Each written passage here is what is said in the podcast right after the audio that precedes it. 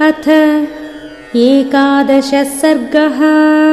भूय एव हि राजेन्द्र। शृणु मे वचनम् हितम्। यथा स देवप्रवरः।